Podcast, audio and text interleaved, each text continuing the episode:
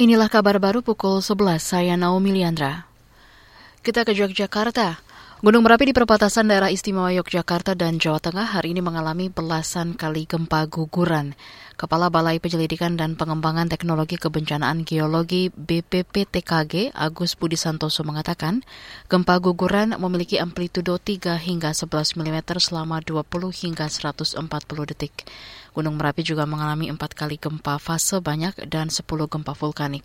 Berdasarkan pengamatan visual, asap kawah Merapi teramati berwarna putih dengan intensitas tipis hingga sedang. Saat ini status Merapi berada di level 3 atau siaga. Beralih ke informasi ekonomi, Kementerian Koordinator Bidang Perekonomian menyebut generasi muda memiliki peran penting sebagai konsumen untuk memutar pada roda perekonomian negara.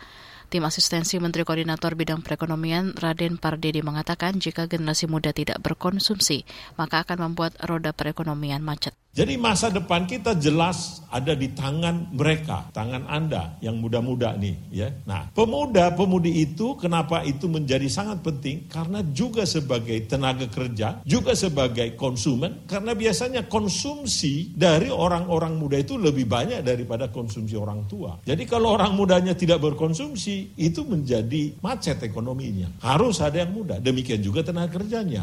Tim asistensi Menko Perekonomian Raden Pardede mengklaim pemerintah juga bakal terus menciptakan generasi muda yang berkualitas.